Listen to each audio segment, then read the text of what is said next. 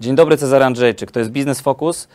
I dziś temat, który może wciąż jest niektórym z Was obcy, ale coraz bardziej zaczyna wchodzić do gospodarki, takiej dużej gospodarki realnej, do banków, do systemów ubezpieczeniowych, do systemów obiegu i przechowywania dokumentów. Mówię o blockchainie. Chciałbym y, z moim gościem porozmawiać dzisiaj o tym przede wszystkim, czym jest ten blockchain, bo Dużo, dużo razy już mieliśmy ekspertów z tej dziedziny w naszej telewizji, ale myślę, że wyjaśniania i szerzenia wiedzy o tym nigdy nie za wiele. Moim gościem jest pan Andrzej Choroszczak, założyciel i CTO firmy Bilon. Dzień dobry. Dzień dobry. Andrzej, najpierw będę chciał e, rzeczywiście z, po, powiedzieć słów kilka o samym blockchainie jako systemie przechowywania i przekazywania danych. Ty pracujesz przy blockchainie już parę ładnych lat. Bilon proponuje własne innowacyjne rozwiązania w tym zakresie. Jakbyś mógł powiedzieć, czym jest ten blockchain i jaka jest jego rola obecnie w gospodarce? E, blockchain to tak naprawdę jest spółdzielnia, taka kooperatywa. E, I to robi go zupełnie innym niż dotychczasowe rzeczy, e, dlatego że w tej kooperatywie My współdziałamy za pomocą kawałka oprogramowania. Ten oprogramowanie nazywa się węzłem blockchainowym. E, I to oprogramowanie umożliwia nam zupełnie nową interakcję z internetem. E, czyli normalnie traktujemy internet jako coś, co jest poza nami, a w blockchainie jest inaczej. My jak gdyby wstępujemy e, do, do tej właśnie kooperatywy blockchainowej i mamy na nią jakiś wpływ. Oczywiście malutki, bo jesteśmy jednym z wielu członków tej spółdzielni, ale jednak mamy. E, I to daje wiele ciekawych e, rzeczy. Przede wszystkim znacznie większe bezpieczeństwo, znacznie większe zaufanie. Również to, że nie muszę polegać na opinii kogoś innego. Nie muszę pytać się informatyka czy eksperta, co tam jest. Ja mogę sam we własnym węźle wszystko sprawdzić. Okej, okay, mówisz o pewnym systemie, o, o środowisku, o takiej spółdzielni i rozumiem, że ten bilon to jest taka technologia, która pozwala w sposób bezpieczny wymieniać dane, liczby, jakieś estymacje, wrażliwe prawdopodobnie informacje dla różnych instytucji. Na czym polega bezpieczeństwo jakby na blockchainie i czym się różni od systemów obecnie używanych, obowiązujących? Tutaj zacznę od takiego krótkiego wstępu, że firma Bilon tworzy własny blockchain. To nie jest blockchain który y, szersza publika może znać, y, nie wiem, z Bitcoina, tam też jest pod spodem blockchain. To jest y, nasze własne dzieło naszych inżynierów. Głównie dlatego, mm, o czym właśnie powiedziałeś, że pierwszy blockchain, ten bitcoinowy, był w zasadzie czysto publiczny. Wszystkie informacje tam są jawne i mimo, że on się wydaje być taki anonimowy, to tak naprawdę nie jest. I to czyni go w zasadzie nieakceptowalnym do zastosowań, gdzie musimy przetwarzać dane osobowe, tożsamość czy jakieś prywatne rzeczy. E, a my stworzyliśmy nową odsłonę blockchaina, nową generację blockchaina, gdzie stosujemy takie zasady client-side encryption. To oznacza, że dane są zabezpieczane i, i, i szyfrowane i rozpraszane po Twojej stronie, po stronie klienta a na blockchain trafiają już takie kompilaty, przetworzone informacje, które można weryfikować, o tyle ciekawe to jest. Dalej jesteś w stanie stwierdzić poprawność tych rzeczy, ale nie jesteś w stanie zrozumieć, co one zawierają w środku. E, I to jest bardzo ciekawa zagadnienie kryptograficzne na inny temat. E, niemniej jednak dzięki naszemu podejściu mamy unikalną cechę, czyli potrafimy składować całe kompletne dokumenty on-chain. Cała w zasadzie inna infrastruktura blockchainowa sprowadza się do tego, że dokument zapisujesz na urządzeniu obok, na jakimś dysku twardym, na jakimś komputerze, serwerze, a na blockchainie przechowujesz wyłącznie tak zwany skrót dokumentu, taką sumę haszową, hash tego dokumentu. No jest to jakieś rozwiązanie, ale takie hybrydowe, nie do końca rozsądne, no bo e, masz dwa punkty awarii, tak? No, ten dokument, który musisz składować i musisz utrzymywać węzeł blockchainowy. My to uprościliśmy znakomicie, czyli cały dokument trafia w kawałkach tych zabezpieczonych na blockchain i nie potrzebuje żadnego zewnętrznego systemu. Okej, okay. czyli mamy dosyć e, wydajne, bezpieczne rozwiązanie do przechowywania, przekazywania dokumentów e, i również danych osobowych w tym. To teraz porozmawiajmy chwilę o realnych projektach, wdrożeniach, które w Polsce obecnie mają miejsce, bo jak wiemy i banki y, wdrażają różne projekty czy swoje rozwiązania do komunikacji również z klientami na blockchainie i ubezpieczyciele, y, prawdopodobnie też jakieś inne firmy, które mają do obsługi duże bazy danych. Powiedz mi, na jakim etapie Twoim zdaniem my jesteśmy jako Polska, jeśli chodzi o wdrażanie blockchaina? Czy to jest jakiś zupełny początek, wręcz raczkowanie, czy już jesteśmy w miarę zaawansowani, jeśli chodzi o wykorzystanie blockchaina w tej realnej gospodarce? Myślę, że zależy od obszaru. Jeśli mam tak podsumować, to raczej jesteśmy w czołówce, e, za wyjątkiem pewnych obszarów. E, No naszymi głównymi konkurentami tak naprawdę to są konkurenci światowi, e, czyli firma IBM e, z produktem Hyperledger, czy firma R3 z produktem Corda. To są systemy tak zwanego blockchainu dla enterprise, dla, dla dużych firm. I oni w Polsce też robią ciekawe rzeczy. No IBM chociażby prowadzi czy prowadził projekt e-votingu z giełdą papierów wartościowych. To jest ciekawe zagadnienie. Firma Corda głównie współpracuje z bankami e, w celu e, pewnego przetwarzania informacji, no ale myślę, że myśmy e, zaszli daleko, daleko ponad te wstępne pilotażowe rzeczy, dlatego że w tym roku, w, dokładnie w to lato, KNF udzielił nam zgody na zapisywanie polskiego złotego i euro, bo to jest na całą Unię Europejską, na blockchainie. Czyli nasz blockchain jest zupełnie inny niż te, o których wspomniałem, czy te, które znacie pewnie z innych dyskusji, ponieważ my nie zapisujemy kryptowalut, my zapisujemy polską złotówkę, brytyjskiego funta i euro. Czyli obsługa płatności na blockchainie? Tak, również obsługa płatności na blockchainie. E, To robimy głównie dla korporacji dużych, dla firm, które wypłacają wynagrodzenia, czy w jakiś inny sposób świadczą, wypłacają komuś jakieś nagrody pieniężne. Ale to jest według nas jedyne zastosowanie na świecie, więc takim, z tego punktu widzenia jest to, powiedziałbym, do przodu. Innym takim obszarem, w którym Polska znakomicie wyprzedziła e, wiele innych rynków, jest obszar tak zwanego trwałego nośnika. E, To jest problem regulacyjny. Brzmi to dumnie, ale efektem tego jest zastąpienie papieru w sposób bezpieczny, czyli e, tradycyjnie trwałym nośnikiem był papirus, papier, czasami glina tabliczka, e, ale dzisiaj chcemy mieć e, trwały nośnik w formie elektronicznej, taki, który może być w internecie, na smartfonie. I to jest wielkie wyzwanie technologiczne, dlatego że komputery i zawartość cyfrowa jest bardzo ulotna i łatwo zmienialna. A do tego nie można dopuścić. I dlatego technologia blockchain tutaj jest idealnie do tego e, przystosowana, ponieważ ona zapewnia niezmienność raz opublikowanych informacji. Okej, skoro już wspomniałeś o trwałym nośniku, to chciałbym, żebyśmy chwileczkę przeanalizowali sobie status tego, tego tematu w Polsce, bo wiem, że między innymi duże banki wdrażają trwały nośnik na blockchainie, chociażby w postaci tego systemu WORM, o tym można gdzieś przeczytać, ING, mBank, Millennium, no ale banków komercyjnych czy też publicznych jest w Polsce bardzo dużo.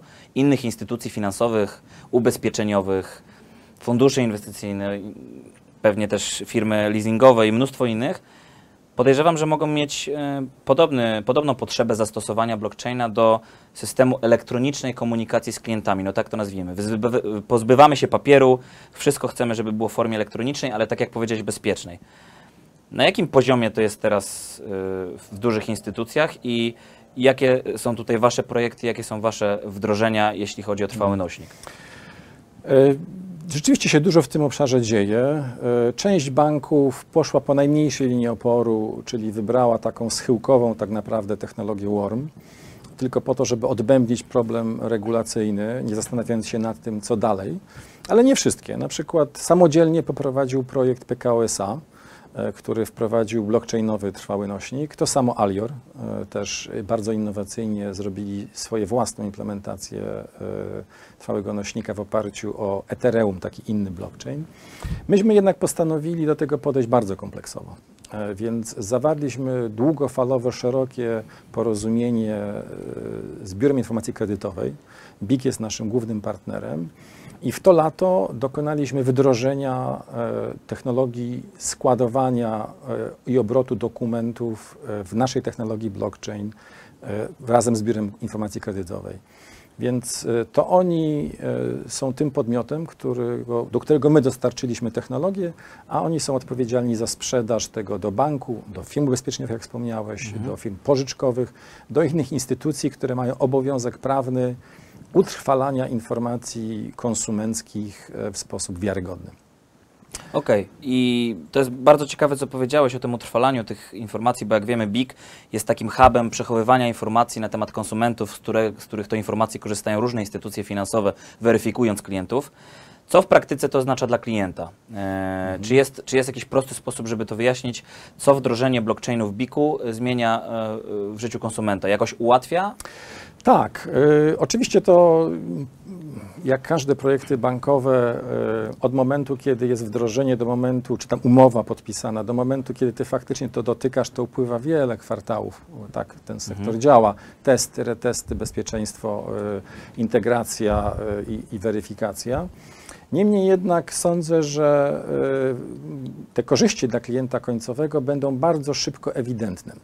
Bo jaki dzisiaj mamy problem jako konsument? Dzisiaj mam problem taki, że nie wiem, gdzie tej informacji szukać. Ona często jest porozrzucana w tym serwisie, w tym e-booku, w tej stronie internetowej.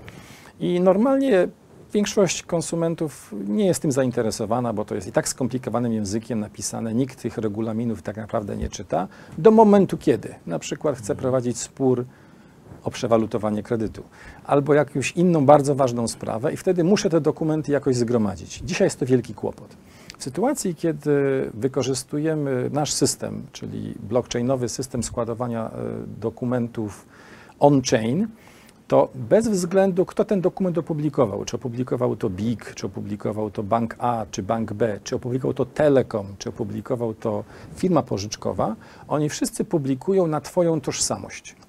Czyli e, prawa dostępu i klucze są używane tego odbiorcy. Co to oznacza? Że potem w jednym miejscu masz wszystkie dostępne dokumenty w jednym interfejsie. Czyli nie tylko musisz szukać i wchodzić do trwałego nośnika PKO, a potem iść do trwałego nośnika, załóżmy, nie wiem, PZU, ale w naszym systemie my to wszystko integrujemy w jeden spójny system, czyli ktokolwiek cokolwiek opublikował, co Ciebie dotyczy, jest dostępne w jednym miejscu, e, ładnie posegregowane, zawsze dostępne.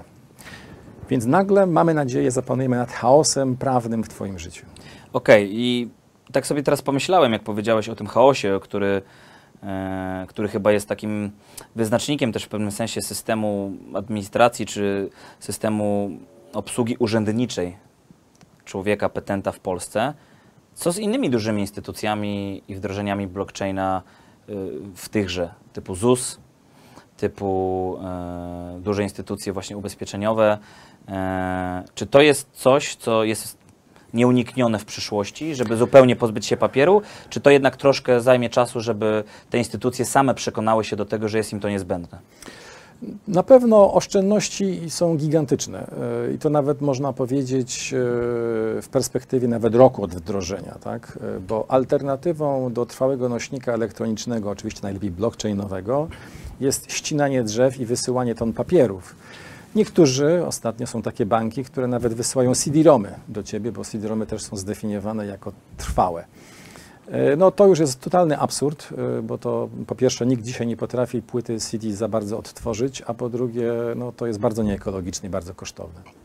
Więc wdrożenie tej technologii umożliwia natychmiastowe, realne oszczędności e, i przede wszystkim wygodę, e, bo potem ty nie musisz się martwić, gdzie tą płytę CD włożyć, czyli gdzie, ten, mm, gdzie stworzyć sobie szafkę czy, czy, czy pudełko na te wszystkie papiery, tylko masz to ładnie posegregowane, dostępne ze smartfona, dostępne z laptopa, do, dostępne z wielu stron internetowych www. Więc jest to łączenie oszczędności dla instytucji, która to wdraża, wygody y, dla ciebie i wkrótce, bo to jest też element też takiego jak gdyby naszego planu wdrożeniowego z BIK-iem, totalnego, kompletnego zarządzania całą dokumentacją prawną. E, Nie tylko tą publiczną, nie tylko tym trwałym nośnikiem regulacyjnym, ale kompletnym obrotem dokumentami, nawet zdalnym zawieraniem umów. No dobrze, powiedziałeś o tym, że to w zasadzie automatycznie gwarantuje duże oszczędności, które jak wiadomo wiążą się z papierowym obiegiem dokumentów i z tym, że trzeba to produkować już nie mówię o jakby kwestiach ekologicznych, które są tutaj oczywiste. No to co, co z całym obiegiem dokumentów papierowych, na przykład w instytucjach typu poczta, gdzie cały czas stoimy w kolejkach z awizo i tych papierów jest mnóstwo. E, Banki i urzędy wydają pewnie po kilkaset milionów złotych rocznie na produkcję papieru do komunikacji papierowej z klientami. Wciąż jest to obecne. E, Słyszałem o tym projekcie e-doręczenia wymyślonym i zaproponowanym przez Ministerstwo Cyfryzacji. Wiem, że tutaj też e, pracujecie nad rozwiązaniem, które mogłoby rozwiązać ten problem w przyszłości. A jeszcze znalazłem informację, że koszt wysyłki jednego dokumentu na blockchainie, tak to najprościej ujmijmy, jest o 85% tańszy niż wysyłka jednego takiego standardowego papierowego dokumentu. Jak tutaj wygląda sytuacja i co można by zmienić? To jest bardzo ważny temat, y, ponieważ wiele procesów y, nowoczesnej gospodarki rozbija się o ten element doręczenia, o ten eleme- element e, zawarcia skutecznie umowy czy skutecznego powiadomienia drugiej strony. Dzisiaj jest to wykonywane wyłącznie listem poleconym. E, List polecony no z definicji listu poleconego musi być papierowy. E, Więc e, cieszę się, że jest ten projekt ministerstwa. Na pewno jest to niezwykle potrzebna rzecz, żeby to rozwiązać w sposób nowoczesny i, i pasujący do cyfrowej 20, XXI wieku. Niemniej jednak jest pewien problem. E, Trzeba sobie zdać sprawę, że papier spełniał swoją funkcję bardzo dobrze. Po pierwsze, każdy potrafił go odczytać, po drugie, trwale się go składowało, po trzecie, papier nie był pod kontrolą jakiejś centralnej instytucji, tylko ja sobie go trzymałem, ten papier to był mój papier. Więc e, i ciężko papier sfałszować wbrew pozorom. To nie jest łatwo, żeby, żeby podrobić papierowy dokument. Więc to są wszystko cechy, które przemawiają za tym, dlaczego tak trudno sądom, prawnikom, notariuszom z tego papieru zejść. Sądzimy, wierzymy głęboko w to, że blockchain jest tą odpowiedzią, której do tej pory nie było, czyli tej wiarygodności, zaufania, niezmienności danych. Ale element doręczenia zawiera też dodatkowy element, element potwierdzenia, że ty jesteś tym, kim ty jesteś, czyli tak zwanej potwierdzenia tożsamości. Dzisiaj robi to listonosz poprzez wizytę w Twoim domu i domniemaniu, że pod tym adresem jest ten pan. W świecie cyfrowym jest to trudny problem do rozwiązania, trudniejszy. E, I wydaje nam się, że dzisiejsze rozwiązanie będzie musiało funkcjonować przez wiele lat równolegle z papierowym. I tutaj zaczynają się pewnego rodzaju schody w tym, co ministerstwo proponuje. No dobrze, powiedziałeś, że zaczynają się schody. Jeszcze chwilkę bym, Cię o ten temat pomęczył, bo wydaje mi się, że nawet z punktu widzenia naszych telewidzów jest to ciekawe, no bo jeśli mówimy o tym, że możemy się pozbyć docelowo całej tej komunikacji papierowej, składowania nie wiadomo ilu pism, doręczeń, listów i tak dalej u siebie w domu w jakiejś szufladzie, można by to było e, w przyszłości zrobić wszystko na blockchainie. To gdzie te schody się zaczynają i jak można je pokonać, pokonywać? No dzisiaj plan e, w tej wersji wstępnej jest taki, że raczej to będzie system centralny IT, raczej operowany przez jednego operatora rządowego, czyli Pocztę Polską. E, I wyłącznie przeznaczony do rejestrowania de facto e, pism urzędowych. Więc taki dość wąski wycinek całego problemu. E, tak naprawdę nie do końca jasne, czym to się różni od ePUAP-u czy od systemu, który stworzył sobie Urząd Skarbowy do doręczeń, którego też w zasadzie nikt nie korzysta.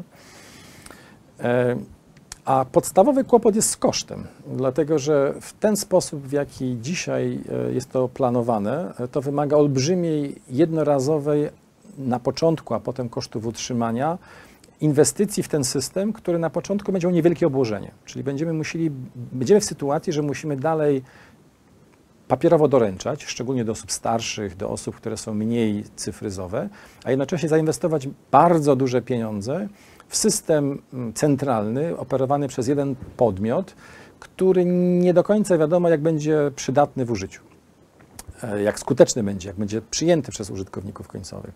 Więc mamy taki realny problem, że cena listu poleconego będzie rosła, bo skoro wolumen spada, a poczta musi mieć listonoszy, poczta musi mieć całą infrastrukturę dowożenia tych listów papierowych, których będzie coraz mniej, więc tam będzie rósł koszt jednostkowy listu poleconego, co być może nawet uderzy w tych starszych i mniej zamożnych ludzi, a jednocześnie mamy system tworzony przez monopolisty, który z reguły mniej się zastanawia nad przydatnością użytkownika końcowego, a bardziej nad wygodą urzędnika, który nim zarządza. Więc często takie projekty, i mamy już niestety takie przykłady w Polsce, no skończyły się tym, że z wielką fanfarą otworzono system, który potem nie spotkał się z wielką akceptacją użytkownika końcowego. Andrzej, na koniec chciałem zapytać Cię o tego użytkownika końcowego, bo mam takie wrażenie, że w instytucjach w końcu dojdziemy do momentu, gdzie nikogo nie trzeba będzie przekonywać, że cyfryzo- cyfrowa czy scyfryzowana droga komunikacji z klientem jest nieunikniona i niezbędna i można i oszczędzać, i być ekologicznym, i wdrażać takie rozwiązania. Natomiast mamy jednak społeczeństwo, które mam wrażenie jeszcze jest troszkę niedoinformowane lub niewyedukowane w temacie cyfryzacji, no i e, przyzwyczajone do pewnych rozwiązań, które przez lata funkcjonowały. Jak tutaj Twoim zdaniem będzie trzeba to zrobić, żeby tych ludzi wszystkich przekonać, jeśli chodzi o ZUS, o pocztę, o banki, że są bezpieczni, jeśli chodzi o ich obecność w tej scyfryzowanej gospodarce, no i mogą spokojnie korzystać z tych usług, tak jak do tej pory. No tutaj mamy różne grupy odbiorców. Oczywiście ci profesjonalni odbiorcy typu duże instytucje, korporacje, one najczęściej polegają na, na audytach, czyli są firmy wyspecjalizowane od audytów bezpieczeństwa, od upewniania się, że systemy informatyczne są bezpieczne. No i nasz system rutynowo do takich badań my przedstawiamy. Zresztą elementem tego dużego wdrożenia z BIK-iem jest właśnie pełen audyt systemu i, i, i to jest e, rzecz, którą każda duża instytucja wymaga. I to daje komfort tym e, ludziom, którzy tak naprawdę mm, są decision makerami w tym całym procesie. Użytkownicy końcowi najczęściej e, mają takie zachowania dwa. Jedne, pobawię się nowinką, a potem, a czy naprawdę nie lepsze jest stare, bo jednak jest takie, tak jak wygodne stare buty już zużyły się, ale przecież tak się wygodnie w nich chodzi. Więc to jest wyzwanie. My cały czas jesteśmy tego świadomi, więc chcemy dostarczyć nową jakość. I ta nowa jakość w naszym wydaniu oznacza to, że nie jest to system, który załatwia jedną cząstkową sprawę, a ty musisz się nauczyć pięciu innych systemów jednego do doręczenia, drugiego do wysłania dokumentu, trzeciego do całego nośnika, czwartego do jakiegoś jeszcze notarialnego. I to się robi kłopot, wiele haseł, wiele, wiele, wiele skomplikowanych aplikacji. My pragniemy zaoferować Polakom jeden zintegrowany system, w którym możesz wszystko robić. Czyli możesz przyjąć doręczenie, możesz wysłać e, dokument, możesz go składować, możesz poprosić o podpisanie tego dokumentu przez drugą stronę, możesz udowodnić swoją tożsamość. Wtedy e, damy coś, co jest suma tych, tych elementów, będzie nową jakością która umożliwi nam dużo przyjemniejsze życie w świecie cyfrowym. Brzmi jak całkiem sensowny scenariusz i bezpieczny tej naszej cyfrowej przyszłości. Moim gościem był Andrzej Choroszczak, założyciel firmy Bilon. Bardzo dziękuję za rozmowę. Dziękuję. A ja myślę, że wszyscy otoczeni przez tą cyfryzację, w tym blockchain, powinniśmy jak najwięcej czerpać wiedzy od ekspertów, od ludzi, którzy tworzą te systemy i chcą nam o nich opowiadać, bo w przyszłości e, powinniśmy wiedzieć, gdzie nasze dane będą przechowywane jak mieć do nich dostęp.